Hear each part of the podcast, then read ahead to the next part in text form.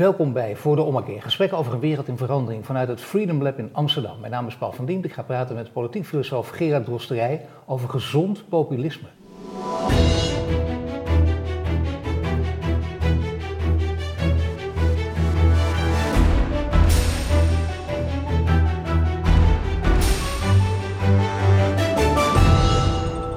Gerard, welkom. Ja, een uh, pleidooi heb je uh, gehouden in de Volkskrant voor het zogenaamde gezond populisme. Er stond heel groot boven een artikel van je. Ja. Wat is dat? Eh, ja, het is een, een, term die, die opeens eh, omhoog kwam, eh, die eigenlijk gaat over een, over een onvrede die zowel door links als rechts gedeeld wordt. Dus die je niet zo, zo makkelijk in hokjes kan plaatsen en waarvan je heel snel kan zeggen, oh dat is de linkse kerk of dat zijn die, die rechtse radicalen. Het is een onvrede die, eh, die naar mijn idee eh, door heel veel mensen eh, wordt gedeeld. En die redelijk abstract is, maar wel gebaseerd is op een heel concreet gevoel. Ja, dat betekent dus dat populisme, dat wordt ook altijd wegwerpend Ja. gebruikt, maar nu zeg je populisme, dat gaat door alle partijen heen. Iedereen maakt er wel op een of andere manier gebruik van. Ja, ik heb, nooit, ik heb eigenlijk nooit zelf heel negatief tegenover de term überhaupt gestaan. Ik vond altijd dat, dat men veel te snel aankwam dat, het, dat een populist iemand is die eh, het volk eh, wil opzwepen of eh, onder, onderbuikgevoelens eh, laat tieren. Eh, dat, dat vind ik sowieso eigenlijk wel meevallen. Ik denk Wat dat het bij democratie altijd- hoort. Wat heb je dan altijd meer gedacht bij, bij populisme, bij die term? Dat het een eigenlijk een logische ontwikkeling is op basis van het feit dat we democratie altijd als centrum zetten in de politiek. Dus als je zegt, democratie is de kern van, demo- van, van politiek, dus eigenlijk zeg maar de morele standaard, alle mensen zijn gelijk, dan is het logisch dat als je eh, met eh, economische en technologische ontwikkelingen eh, steeds meer mensen hebt die iets kunnen zeggen, of iets, die iets willen zeggen en die zich minder gelegen laten aan bijvoorbeeld de kerk of nou ja, het, het, het, Ja. het verzuilde liedje. Ja. Ja, dan krijg je dus meer meningen. En dan kunnen die meningen nog wel eens wat, wat rauwer op de dak van politici vallen. Dus het is eigenlijk een hele logische ontwikkeling geweest, zeg maar, aan het einde van de 19, of 20e eeuw. Ja, gek dan dat het toch zo'n vlucht neemt. eh, Want ik bedoel, eh, bijna elk verhaal gaat erover. En eh, iedereen die de term in de mond neemt, bedoelt daar ook iets negatiefs mee. Althans, bijna Ja, iedereen. Het is een soort do- doos van Pandora. Men denkt van dat als je, dat als je alle, alle, alle grenzen of alle sluizen openzet, dat, dat dan de, de orde en de stabiliteit verdwijnt. Maar goed, maar voor de duidelijkheid, zoals jij het omschrijft, in Nederland hebben we, ik pik er maar een paar uit. Geert Wilders is een populist, maar Jesse Klaver is ook een populist. Ja, En Sibrand Buma ook. maar allemaal wel verschillende types. Maar wel. Ge- Geert Wilders is, is, is wat dat betreft natuurlijk een ander soort populist. Omdat hij, ehm, als je bijvoorbeeld kijkt naar Fortuyn en Wilders, dan is Fortuyn iemand eh, die het heeft benoemd. De onvrede zou je kunnen zeggen.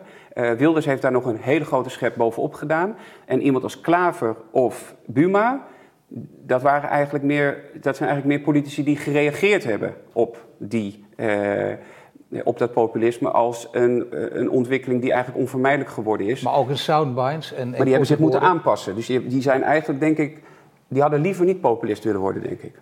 Nee, want populist is toch iemand die dan eh, liefst iets in korte soundbites eh, stevig weergeeft. Ja, ja, en te veel dan de mening van het volk naloopt.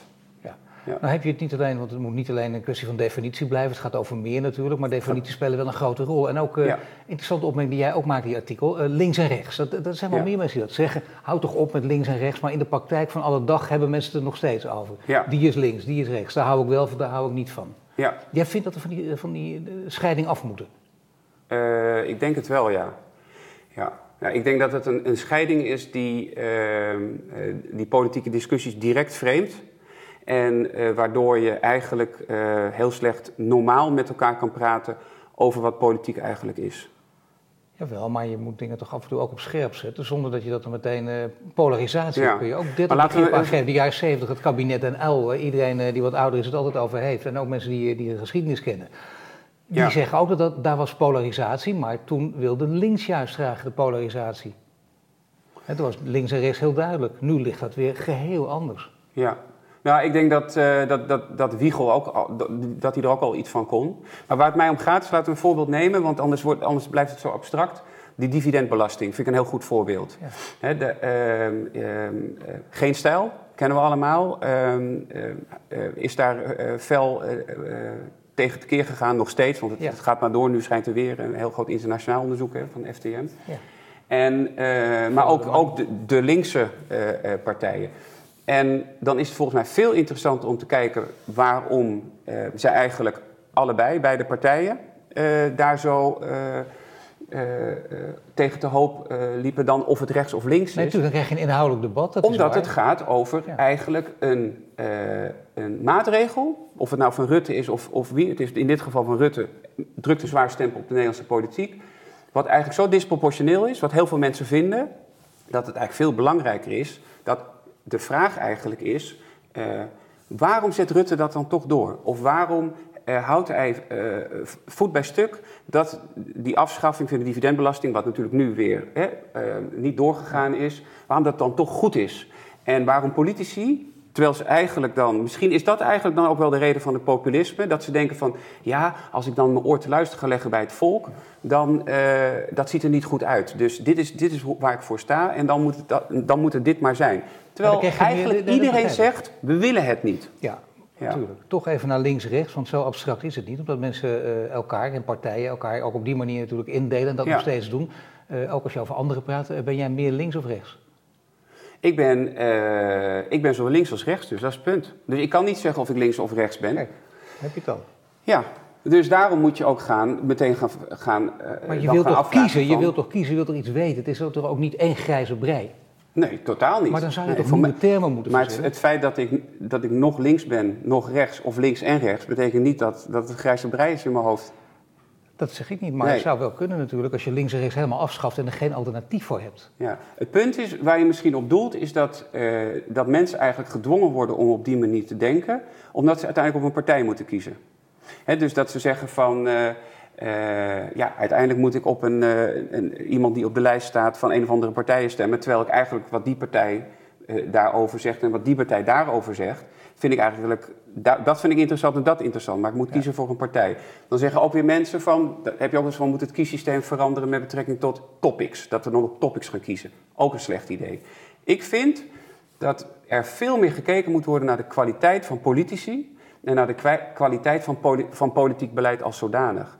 En dat het, voor mij zou het, hè, als het ik bedoel, zo, dat is hetgene wat ik denk ik, uh, waar, ik het, waar ik mij zou op focussen, is ik wil op kiezen op een goede politicus. Ja. Ik wil op een goede, kiezen op een goede politicus, die, waarvan ik in ieder geval het vertrouwen enigszins heb dat als hij gekozen wordt in de Kamer, dat hij voor welke onderwerpen dan ook, want dat weet je heel vaak niet, wat de issues zijn, dat hij daar een beetje fatsoenlijk over kan nadenken en dat zijn oordeel ongeveer goed is. Dat is eigenlijk wat ik wil. Ja, en, en dan, ik maakt denk dat, uit, dan maakt het niet uit of je links of rechts bent. Exact. En ik denk dat heel veel mensen dat hebben en dat ze dus, uh, uh, dat juist omdat er dan zo links-rechts wordt gedacht, heel erg ook in de, gewoon in Den Haag zelf, uh, dat mensen daar eigenlijk helemaal niet zo van houden. Nog een ander voorbeeld. Ik, ik, ik ben docent bij een Mino Filosofie op Fontes. Dus ik ga om met, met twee, ja, in Tilburg. En dan ga ik om met 22-jarig, 23-jarig en dan gaan we filosoferen. Nou, ja. Daar ga ik nu helemaal niet verder op in. Nou, maar ik merk, ik merk altijd dat als je daar gewoon... Uh, die doen dat vier maanden, dus een keuzemodule. Ja, en die hebben dan eigenlijk ook zoiets van uh, links, rechts. Ja, het, is eigenlijk een, het zijn eigenlijk bullshit termen. Het gaat eigenlijk veel meer om van... Hoe zit je in dat onderwerp? Hoe moeten we omgaan met gentechnologie? Uh, hoe, hoe, ziet de verzorgingsstaat van de toekomst eruit? Maar vanuit de sociologie weten we toch dat, uh, dat mensen en, en, groepen en personen elkaar graag willen, bemo- willen benoemen, omdat je anders bijna geen gesprek ja, meer mogelijk hebt. Ja, ja dan, kan je, dan zou ik kiezen voor bijvoorbeeld progressief of conservatief. Of jij, jij bent wel een echte technofiel of zoiets. Of ik zie wat, wat semi-religieuze aspecten bij jou. Ik, heb, ik zou dan veel meer een beetje op, op karakters op type zitten. Dus mensen die op een bepaalde manier in het leven staan. Een beetje lifestyle-achtig, zeg maar. Okay. Dat zou ik veel interessanter vinden. Dan zeg je over politici, dat is natuurlijk ook een interessant. Hè? Uh, politicus moet goed zijn. Ja. Dat is een moeilijk vak ook. En ja. een citaat ook van jou, en ik pak het er even bij. Politicus, politicus is een moeilijk vak. Of politiek dus en politicus zijn, dat is lastig. Het vergt levenservaring, inzicht, spreekkunst, humor en zelfreflectie. Kijk eens naar Nederland. Daar zijn de dertigers aan de macht bij de politieke partijen. Ja. Dus die missen levenservaring. Ja. Per definitie. Per definitie, ja. ja. Ik was student in de jaren negentig, politicologie. En uh, ik vond het gruwel wat uh, Rottenberg en Companen deden in de PvdA. Ja. Die hebben toen, dat was uh, volgens mij Paars 1 was dat. Die hebben volgens mij driekwart van de fractie uh, hebben ze verjongd, zeg maar. En eigenlijk is dat, het is niet dat hij dat als de eerste was, maar die, die continue verjongingskuur inderdaad in de politiek is in het algemeen, het blijft natuurlijk generaliseren, uh, een slechte keuze geweest. Nou ja, nu doen ze elkaar helemaal na. Uh, nu is het nog veel verder, want nu doen alle partijen dat. En dus er zijn vier, vijf partijen in Nederland met, uh, met hele jonge fractievoorzitters. Ja. Dat is dus slecht voor de politiek in Nederland. Uh, nu... Ja, volgens jouw definitie. Kom op, in, in, het, in het, Ik vind het helemaal niet erg.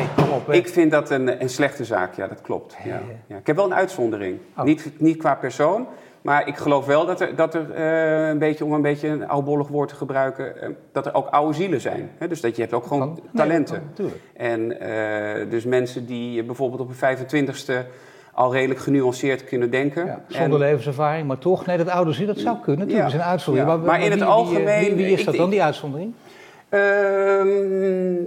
Ik vind Klaas Dijkhoff wel, uh, wel uh, een, uh, ja. een, een, een, goede politicus. De oudste van talent. Club, is ook al 37, hè? dus ja, heeft dat net ja. ik, ik, ken hem dan ietsje beter, dat, en dat is niet de reden. Maar ehm, nee. wat het leuke van hem is, is dat hij, ho hoewel ik dus vind, zeg ik dat ook maar meteen even, dat ik vind dat hij te veel anticipeert op Baudet. Hè? is dat ook weer even gezegd. Maar uh, nou, hij is humor. Alsof het een harde uit, ja, dat, is, dat ja. ziet toch iedereen? Ja. Nou ja, dat doet hij dus te veel. Dat ziet iedereen. Maar dat zeg je ook tegen hem of dat ziet hij straks hier terug dat jij dat, dat nu zegt? Nou, dat, dat, dat, dat, dat, heb ik hem, uh, dat heb ik hem wel eens gezegd. En wat zegt hij dan? Uh, daar heb ik geen antwoord op gekregen. Hoeft dat niet. Nee. oh, dus dat kan hij ook heel goed. Ja, dat, dat heeft hij dan weer wel in zich. Dat uh, gewoon lastige vragen ontwijken. Ja. Nou, omdat hij, uh, waarom zou hij het ook zeggen? Even voor de transparantie. Maar ik ben, je, kent, geen, je kent hem nee, natuurlijk. Dat is alles. Toch, ik heb geen dagelijks contact met hem. Hoe ken je hem? Hij was mijn, uh, hij is mijn, hij, hij was mijn uh, promotiekamergenoot. Dus hij was ook een proefschrift aan het schrijven. Nou, dat behoorlijk dichtbij. Dat was toen even dichtbij, ja. ja. En was echt superleuk. Veel gelachen met hem. Jij hebt af, veel gelachen? Met hem, ja. ja. Om hem of met hem? beide. Ja. ja. Maar dus ook om hem. Ja, hij was een ontzettende, dat is hij nog, dat, bedoel, dat zal ook niet zo snel. Hij is een ontzettende freak. Dus hij had altijd de nieuwste iPads en uh, iWatch en dat soort dingen. En, uh, en ik weet niet, hij was een postmoderne kunstenaar, had een, um, een, een, een, lamp staan en er was dan de voet was een pistool, een gouden pistool. Volgens mij was het van Jeff Koons of zoiets, een namaak daarvan. Ja. Ja. Hij, is heel, uh, ja, verschillende smaken. Hij ziet er nu wat conservatiever uit hij is ook heel postmodern. Dus, ja, ik vind dus even, bij, uh, bij Ik vind dus Klaas een, een, een, hele goede allround politicus. Ja. Ja, ja. ja. behalve dan dat hij zich af en toe dan weer als een hele ouderwetse politicus gedraagt. Toen de hand en broeken ja. uh, werd weggedragen. Dan kreeg je nog een trap na ook. En dan denk je, nou, dat iemand van 60 gedaan, maar dat doe je niet eens als 37 bent. Ja. Of in ieder geval een politicus nieuwe stijl bent. Ja. Het is ook een harde politicus. Hij zei, hij had zoiets van, uh, en dat moet je soms ook zijn. Ja. Het, gaat om, het gaat om de balans. Ja, op het goede hij, moment. Jij, jij was dat met het proefschrift bezig, hij ook. Uh, waar ging zijn proefschrift over? Over militair recht. Heeft hij het afgemaakt? Hij heeft het zeker afgemaakt, ja. Mooi, heb je het gelezen? Nee, niet gelezen. Nee, nee dat is totaal niet mijn onderwerp. Nee, nee het is internationaal recht. En uh, heel specifiek, dus ook heel, po heel, heel positief rechtelijk, veel wetsbepalingen enzovoort. En ik heb zeg maar, um, ik, ik hield mij bezig met politieke filosofie, rechtsfilosofie. Dus het ligt hier, over... het ligt hier, je proefschrift. Ja. Politics as Jurisdiction. Ja. Uh, waar gaat dit over? Ik kan het wel zeggen, maar ik heb liever dat je het zelf doet. Ja, uh, het, is, het is inmiddels alweer tien jaar oud. Uh, en uh, ik, het, ik, ik zou zeggen, het gaat over een, een manier van politiek denken... waar wij nu nog steeds middenin zitten... en wat ontstaan is eigenlijk vanaf de verlichting. Dus ja. dat is een moderne manier van, van politiek denken.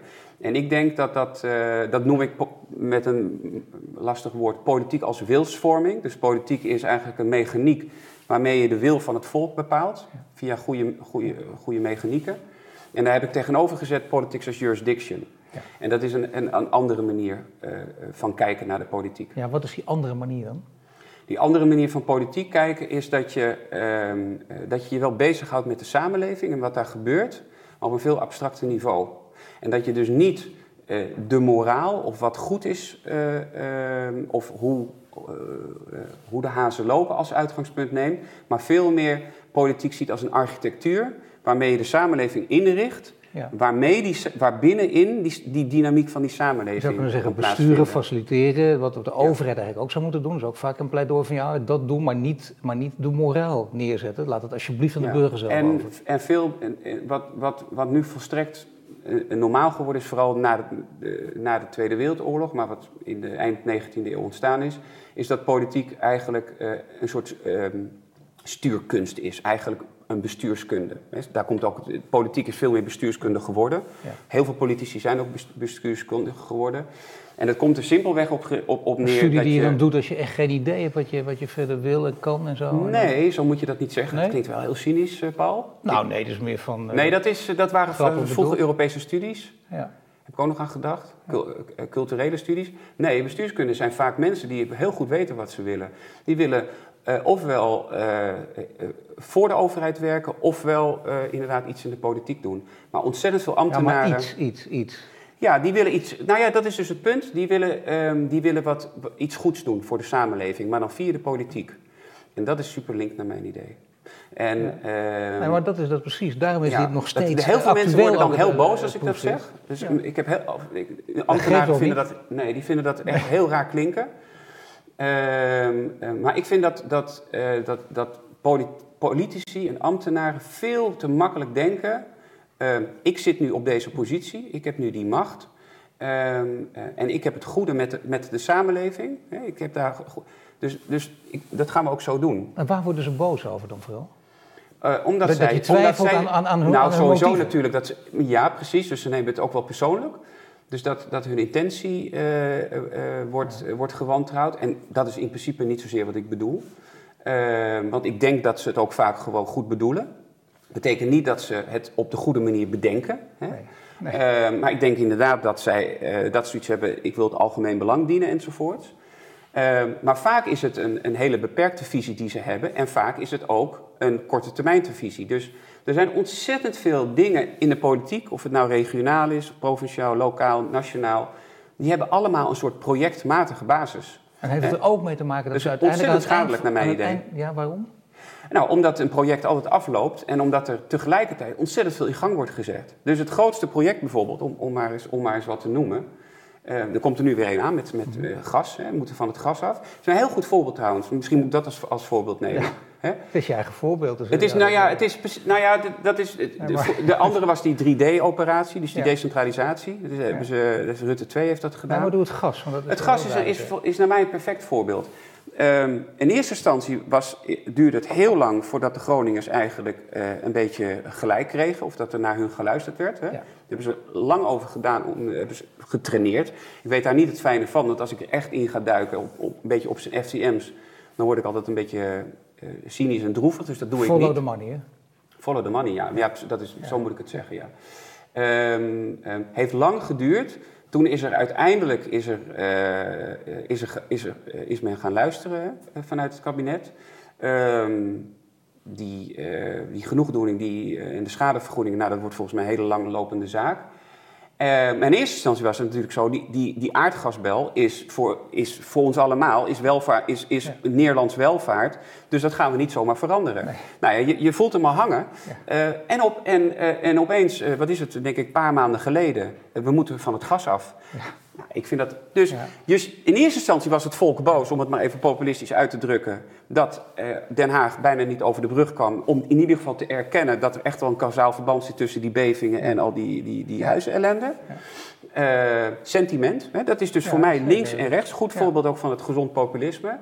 Uh, en dan op de een of andere manier, dan duurt dat lang. En dan, oké, okay, Waarschijnlijk ook omdat er dan grote partijen uh, in Den Haag zijn geweest om te zeggen van... Uh, uh, we hebben allerlei interessante alternatieven, bladibli, bla. en nu moeten we allemaal van het gas af. En nu is dit dus ook weer ergernis en In een andere en richting bijna is de dividendbelasting ook bijna zo'n verhaal. Ja, de ja. grote partijen die daar ook weer een hele grote rol in spelen. Dus ik had eigenlijk gedacht dan van, dat, dat is dan eigenlijk de ironie. Uh, ik denk dat ik het beter had gevonden als Rutte had gezegd, we, we, we schaffen hem nog steeds gewoon af. Ja. Hè? We, doen, we, we doen die belasting weg. Had, had, ik, had ik eigenlijk beter gevonden. Consequenter in ieder geval. Consequenter. En, maar wat, dus dat projectmatige, want dat, daar gaat het om. Um, um, men, ziet, men weet helemaal niet de lange uh, termijn consequentie. Het gaat veel geld kosten. Dus probeer nou eens een keer, en dat is een beetje en dat klinkt een beetje saai, maar ik denk dat dat uiteindelijk veel meer, ehm, en dat heeft ook weer met jurisdictie te maken, zoek het midden. Hè? Dus zoek in wetgeving, zoek in die facilitering, in die architectuur, zoek een zodanige wet of regel waarbij, waarbinnen verschillende dingen kunnen. En waarbij mensen duidelijk ook wel, waar de grenzen wel duidelijk zijn. Je zegt het vaak in stukken die je schrijft, valt ja, me op van de, dat, dat, het saai lijkt, hè, maar, dat, maar het is cruciaal. Dat, maakt niet uit, inderdaad. Als het cruciaal is, dan laat het maar saai zijn. Nee, het is meer dan... Zoeken naar het verstandige midden, dat is het dan eigenlijk ook. Maar dan heb je wel weer, hè, je wil van links rechts af, je moet ermee oppassen. Verstandige midden denken mensen, oh die man die is bij CDA, D66. Dat doet er niet toe, heeft niets mee te maken. Kan elke partij, elke gezonde populist kan dat zijn. Ja, je moet de polariteiten moet je zoeken met betrekking tot het onderwerp. Dus het is niet zo dat, dat, dat, alles, dat alles polderen is of alles is het grijze midden. Nee, je moet eerst eens kijken. Eh, je kan het hebben over. Je kan, ik, ik ben. Uh, neem als voorbeeld WhatsApp in het verkeer. Dat is, uh, nou, wij, zijn, wij hebben allemaal die neiging om dat te doen, omdat het zo makkelijk is, of als je in de file staat of wat dan ook. Dus we hebben die neiging allemaal. Nou, neem dat als uitgangspunt. Tijdens een interview dat je denkt, oh wacht, ja, nog even, nee, sorry, maar ik moet eventjes, ja, ja oké. Ja, ik wacht wel even, nee, Nee, maar... Je zou het doen ook, hè? want je denkt, ja, dat is toch de nieuwe code nee, nu. Dat je, nee, nou ja, nee, maar dat is precies een goed voorbeeld. Ik zou het nog doen ook. ik ken jou, dus ik heb zoiets van, je bent geen hork. Hè, voor, vooralsnog nog niet. Hè, ik ken je ook weer niet zo goed, het zou kunnen. nee, maar ik denk dan van, nou, dan wachten we even. Maar ik heb wel in mijn achterhoofd, als het erg lang duurt, denk ik dan van... Paul, hè, stop er dan. Nu kan je er wel ongeveer mee stoppen. ik zeg dan nog sorry, dit, maar je hebt ook mensen die gewoon dat, dat gewoon gesprek, gewoon die pakken dat ding, die gaan gewoon een beetje zo, ja, ja, die gaan er heel lang mee door. Dus die zijn zelf ook niet met dat midden bezig. Ja, precies. Ja. En dat is bijvoorbeeld maar dan loopt het uit de hand, vind jij? Dan moet er iemand zijn die er iets van zegt. Ja. En vroeger zou dat een politieke partij, maar dat is een moreel oordeel van ons allemaal. Dat vind je ook niet. Dat moet je niet nee, vroeger, dat gebeurt nu. Dat is niet vroeger, dat, is juist de je grap. je hebt gelijk. Ja. Nee, ze gaan er gewoon mee door en je moet er vanaf. Dat moet je niet willen. Dus, vroeger gebeurde het ook heel vaak, maar nu Nee, nog vroeger steeds. gebeurde het minder. Vroeger had je... Onder Wim Kok? Nee, ja. Uh, nee, wat is vroeger? Bij Wim Kok... Uh, ja, dat en wat bedoel je met vroeger? Eh, nou, ik dacht dat jij aan de verzuiling refereerde. Dus, de, dus het moralistische, de moralistische politiek. Nee, ja. nee, ik denk dat bij... Wat, hoe, wat bedoel je? Is dat... Uh, nee, ik dat is lang geleden. Oh, nee, ik denk dat juist de geschiedenis goed is om het, het heden te, nee, dat mag te duiden. ga je gaan. Maar uh, wat doen we, verzuiling of Wim Kok? Allebei. Allebei, oké. Dat kun jij. Dat kan ik, ja. denk ik. Ja. Zeker, zeker. Nee. nee. Oké, nee, maar wat ik, bedoel, wat ik bedoel te zeggen met die verzuiling, had je dus eh, ja, de, de, de, katholieke zeil, je had de protestantse zeil, de algemene socialistisch. Die hadden natuurlijk een hele specifieke wereldbeeld. Maar het interessante is natuurlijk dat op een hoger niveau moesten die wel met elkaar samenwerken. Ja. Dus vanzelfsprekend kreeg, werd, er daar, werd de moraal als het ware breder gedefinieerd, denk ik, ja. Ehm, ehm, dan het nu gebeurt. Nu is het eh, als, nu gaan de koppen bij elkaar. Ehm, en uh, wordt er eigenlijk iets bedacht zonder eigenlijk een soort voorafgaande grens. Hè? Uh, uh, de socialisten die voelden zich begrensd door, ik zeg maar even, ik zeg het even mhm. simplistisch, door de internationale of door, door Marx eh, of andere ideolo ideologische bronnen. Algemene Zuil, nou, Fred Oster en de Afro, ik zeg maar even wat, nee hoor. Nee, nee. Thorbecke en, en, en, en, en, en andere liberale beginselen.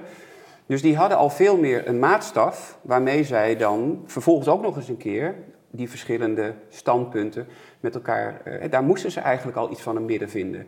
Nu uh, heeft men veel meer zoiets van hoe gaan we dit op de beste manier doen? Zoals bijvoorbeeld van het gas af.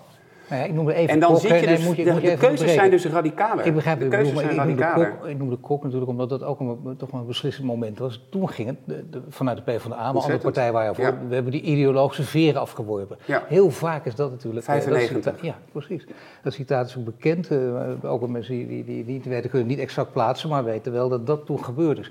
En dat was ook, dat, zijn politieke partijen op hun schreden teruggekeerd of zijn ze daarin voortgegaan? In, in vanuit dat idee? Nee, dus ik zou zeggen dat er een continuïteit is vanaf paars. Ja, ja 100 procent. Ja. ja.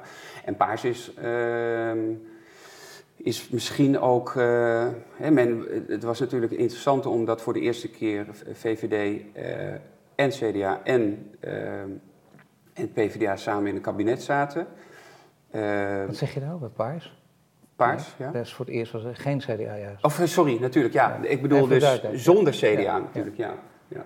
Ehm, nee, het is pas later nog, nog zeg maar.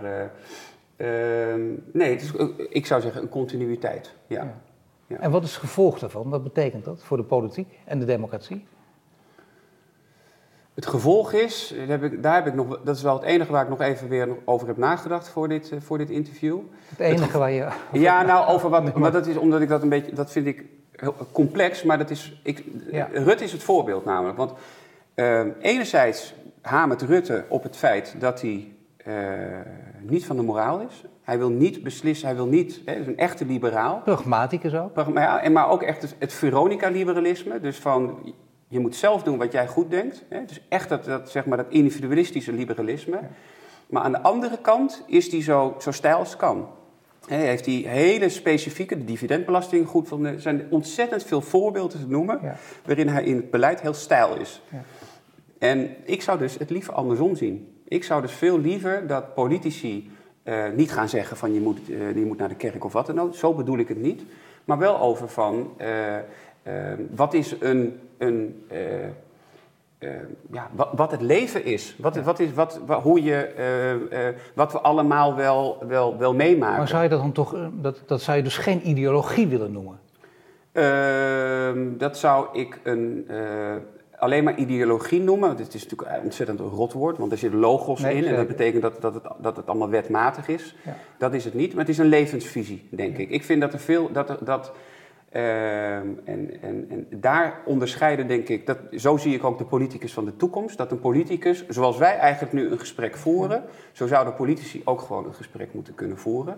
En dat betekent niet, uh, en dan moeten ze naar mijn idee, want daar zijn ze namelijk bang uh, of dat ze daar dan op, uh, op, dan worden ze op teruggepakt. Of van jij zei dat en toen dat en dat. Maar luister even, dit is een heel belangrijk punt. Dus, heel, dus, en ik heb zoiets van, daar hoef je helemaal niet bang voor nee, te zijn. daar heb je heel veel woorden voor. Maar het woord uh, wat, mij te binnen schiet is dan vooral de fractiediscipline. En je, je, je, weet ik wat, je beleid, je zegt ik ben P van de A, ik ben VVD. En dat betekent dat je alle inzichten ja. van die partij deelt. Dat is fractiediscipline. Jouw grote vriend Dijkhoff, die fluit ze ook terug hoor. Ja, natuurlijk. Uit, en dat mag dan niet. Dat is het politieke spel wat gespeeld moet worden. Dat is krampachtig, maar je vindt dat je daar vanaf moet. Ja, maar dit is ontzettend. Het probleem is dus dat het systeem zo, uh, zo vast is dat het wishful thinking is. Maar het is wel het meest logische wat past. Ja, maar VVD de... kan af en toe uh, PvdA-standpunten hebben en omgekeerd. Dat is ook volkomen begrijpelijk dat dat zo is. Als je ja, maar je hoeft het niet per se zo te noemen. Je hoeft niet per se te, te zeggen dat als, als je afgaat van de fractiediscipline... Nee. Uh, of tenminste, tenzij je gewoon bedoelt van het is een, het is een, het is een opvatting die, in, die met betrekking tot dat uh, wetsvoorstel... of met betrekking tot dat debat ook een beetje op de PVV lijkt of op GroenLinks of wat dan ook. Dat gaan anderen gaan dat zo doen. Dat die gaan dat precies, maar, maar dat gaat dan ook vanzelf wel dat over. Doet er niet je bent nog steeds onderdeel van je precies. fractie. Ja. Het is een beetje gewoon zoals uh, zeg maar met, met het parlement onder Thorbecke. Had je, de, zeg maar, had je de liberalen en je had de conservatieven. En je had dan weer de conservatieven, vooral de protestanten. En dan had je nog weer... En dat, dat lag allemaal wel een beetje bij elkaar. Dat is net zoals dat nu, want het is eigenlijk de facto is het al lang natuurlijk bezig GroenLinks ligt, ligt bij PvdA en met Partij voor de Dieren. D66 bungelt een beetje daartussen en dan nou, enzovoorts enzovoorts. Dus het is ook niet zo dat als je individuele politici of parlementariërs meer, uh, meer vrijheid geeft, dat dan. Het is weer een beetje hetzelfde. Hè? Dus nee, de, de, angst voor anarchie of zoiets, ja. dat is natuurlijk helemaal niet zo. En. Um, uh, je krijgt dat dan, je, dat je, niet je krijgt in ieder geval veel leukere, leukere en betere debatten in de Tweede Kamer. Ja, ik durf het haast niet te zeggen voor dit gesprek. Ik ben het volledig met je eens dit, want dat is een ja. heel belangrijk punt. Maar jij moet ook je, je mening geven. Je bent, dan, je bent anders niet stijlvast genoeg. Dat, dat is ook het gevaar natuurlijk. Dat mensen dat van je gaan denken. Oh, uh, mensen uit één stuk. Alsof je je leven lang altijd hetzelfde ja. denkt. Je kunt toch ook een, een ommekeer maken? Of een ja. identiteit voor de ommekeer? Maar ik denk dat of je dan... denkt, en dat, of je kunt net iets anders buiten die fractiediscipline. Alsjeblieft, hé. Dan ben je, anders ben je geen zelfstandig denkend wezen Je onderschat denk ik uh, dat, dat als bijvoorbeeld iemand kiest voor de voor de VVD, heeft voor de VVD gekozen of voor Partij voor de Dieren. Ja. Ja, die zullen dat niet zo snel, die zullen niet ja, zo snel naar andere partijen gaan. Dan kies je toch voor een deel, dan kies je toch voor, weet ik veel wat, stel je kiest voor de VVD of de Partij Dieren, dan kies je voor een deel van de, van de standpunt van die partij. Ja. Zo ongeveer. Nee, maar, maar, nee, maar nee, toch lang niet bedoel alles. ik het niet. Ik bedoel, ik het, wel. ik bedoel het veel fundamenteler. Dat die, die, die, uh, die parlementariërs gaan echt niet zo snel dan naar een andere partij overstappen. Die blijven wel gewoon trouw aan die partij, maar hebben gewoon meer de vrijheid om als liberaal bijvoorbeeld... Nee, maar dan zijn of, we dus, precies, ja. dat betekent dat we niet langs elkaar heen moeten praten. Dat betekent dat je gewoon vindt dat inderdaad dat dat moet. Dat die fractiediscipline, laat het maar los. En dat dat niet tot chaos leidt. Want jij bent heel belangrijk, want dat denken ze heel Precies, snel. Bent, dat is het ja. Je bent, of, of dat de kiezer het niet begrijpt, dat is helemaal erg, hè? paternalisme. Dat je, nee, dat snap je juist, dat je af en toe eens erbuiten en dan gaat de ander probeert jou wel weer te pakken. Dat, dat, is een spelletje, dat is een spelletje, maar het komt er de praktijk op neer dat je die vakdiscipline, als je die loslaat, krijg je betere gesprekken. Dat gasvoorbeeld wat je aangeeft, dat is een heel goed voorbeeld. Ja, dat is een heel goed voorbeeld. Ook in deze. Dus dat, dan, dat daar Kijk, je moet je voorstellen, je bent Kamerlid. Nou, we hebben net al geconcludeerd, vaak zijn, het, zijn ze relatief jong. En dan word je de fractievoorzitters met dat... De fractievoorzitters, ja. ja. Uh, um, wat, wat, wat, maar goed, wat ik bedoel is, um, um, als, je, uh, als je dan geconfronteerd wordt van, van het gas af, ja, dan moet je daar inderdaad zelf eens even over gaan nadenken. Want zoveel weet je natuurlijk helemaal niet van nee. het onderwerp. Je hebt natuurlijk de fractiewoordvoerders enzovoort. Maar laat dan ook gewoon politici daar uh, rustig ook over nadenken. Dan zie je ook meteen weer waar het, waar het, waar het, uh, waar het misgaat. Want als je een wat oudere, ervaren politici hebt. Ik betekent niet dat het een of andere grijze zandbak moet worden, maar dan, kan je daar ook, dan ben je ook niet zo snel geïntimideerd als er zo'n onderwerp op de proppen komt. Dat is ook weer zo'n voordeel. Van, ja. Dan is er nog iets, uh, namelijk democratie. Is democratie voor jou de meerderheid telt? Dus dat gaan we ook uitvoeren? Of moet je er anders tegenaan kijken? Uh, nee, zo, zo, kijk ik er. Zo kijk ik er sowieso niet tegenaan, de meerderheid telt. Dat denk ik alleen maar in termen van als er bijvoorbeeld een procedure is. En je, gaat, en je zegt de, meerder, de, de, meerderheid van stemmen gaat nou, door. Ik zeg het omdat ja. je weet dat Rita Verdonk het ooit geïntroduceerd heeft. Een, een heel belangrijk debat, immigratiedebat. Ja, 41% vindt dit, 49% ja. vindt dat. Toen zei nee, andere, wacht de... even, democratie is juist rekening houden... Hmm. Uh, op zo'n redelijk mogelijke manier met, met standpunten van minderheden omgaan. Ja, nou, het hangt er vanaf. Dus, dus ik, uh, in het, je, je kan zeggen dat ze gelijk heeft als het bijvoorbeeld gaat over een stemming. Dus als er een, als er een, als er een procedure, dan kan, ze, kan je zeggen van ja, het spijt me, dit is, dit is, dit is gewoon de uitkomst en, uh, en zwaar. Maar in het algemeen als, als principe, op basis waarvan je nadenkt over democratische politiek, is het natuurlijk onzin ja, ja. De, meer, de meerderheid. Uh. Dus, maar democratie is voor mij, uh, tenminste dat zou het antwoord zijn. Uh, ik zie democratie altijd in eerste instantie, en dat is ook dan wel het onvermijdelijke ervan, als het, het morele principe achter onze politiek. En dat is denk ik ontzettend belangrijk. maar tegelijkertijd heel erg lastig. Ontzettend belangrijk omdat het principe is gelijkwaardigheid. Dus dat ieder, iedere burger gelijkwaardig is, ieder mens stelt. Ja. Uh, als je het heel universeel gaat zeggen, maar dan zie je ook al meteen het probleem. Ja. Hè? Want uh, dat zie je met het immigratiepunt. maar ik denk dat dat, dat dat wel het fundamentele principe is. Um, en democratie meer als praktisch principe is van hoe, hoe richt je een, een staat democratisch ja. in? En dan krijgt het weer een andere betekenis. En dan valt het woord staat. En dat verandert ook door de jaren heen. Hè? En door de eeuwen heen kun je beter zeggen. De rol van de staat. Wat, wat is voor jou ideaal gesproken de rol van de staat? De rol van de staat is, uh, is denk ik de alle, dat is de belangrijkste vraag denk ik in de politiek.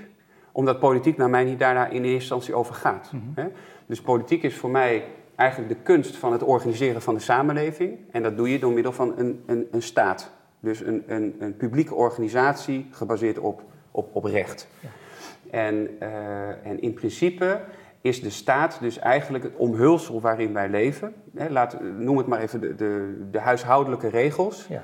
Gebaseerd eigenlijk op, op, op fundamentele principes. Zoals, zoals bijvoorbeeld uh, de trias politica. Ja. En, uh, en bijvoorbeeld uh, de, de vraag wanneer iets een wet is. En in hoeverre je en dan, dan zie je dus ook dat die discussie daar ook veel vaker over zou moeten gaan. Bijvoorbeeld van wat is eigenlijk een wet en waarom zouden we een wet moeten accepteren? Dat zijn eigenlijk, in, in, in de, op de universiteit heette dat dan constitutionele kwesties. En die constitutionele kwesties, nou die zouden eigenlijk wel eens wat populistischer mogen. Ja, en hoe dat komt is, dat, dat het niet het geval is, denk Ja, dat is een hele goede vraag.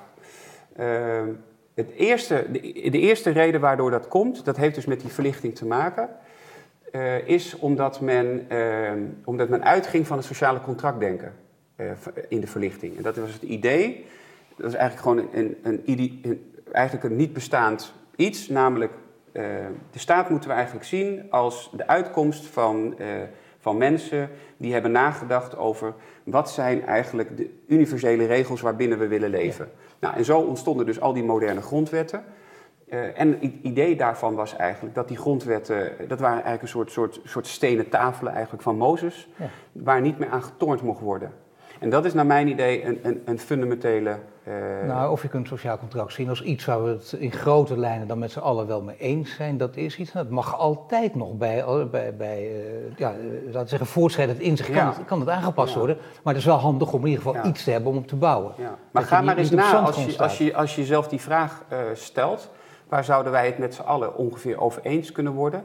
Ik denk dat dat ontzettend moeilijk is, omdat, omdat voor, voor heel veel punten Ehm, ehm, eh, om, daar gemeenschappelijke antwoorden op te krijgen. Ja. Dus het idee van de universele verklaring van de rechten van de mens, want dat was eigenlijk de achtergrond van de grondwet. Maar goed, het, het, het, korte antwoord is, is dat, dat, dat die hele constitutie uh, een, een, veel te heilig karakter heeft gekregen, waardoor het dus helemaal niet mogelijk uh, is om daar op een, uh, op een veel eenvoudige manier over na te denken. Dat is denk ik het, het, het, het punt. Goed, dan moeten we over dit gesprek ook heel goed uh, na gaan denken. Over alle dingen die jij gezegd hebt. Blijf je volgen. Ja. Politiek filosoof Gerard Drosterij. Dankjewel. Oké, graag gedaan. Dankjewel.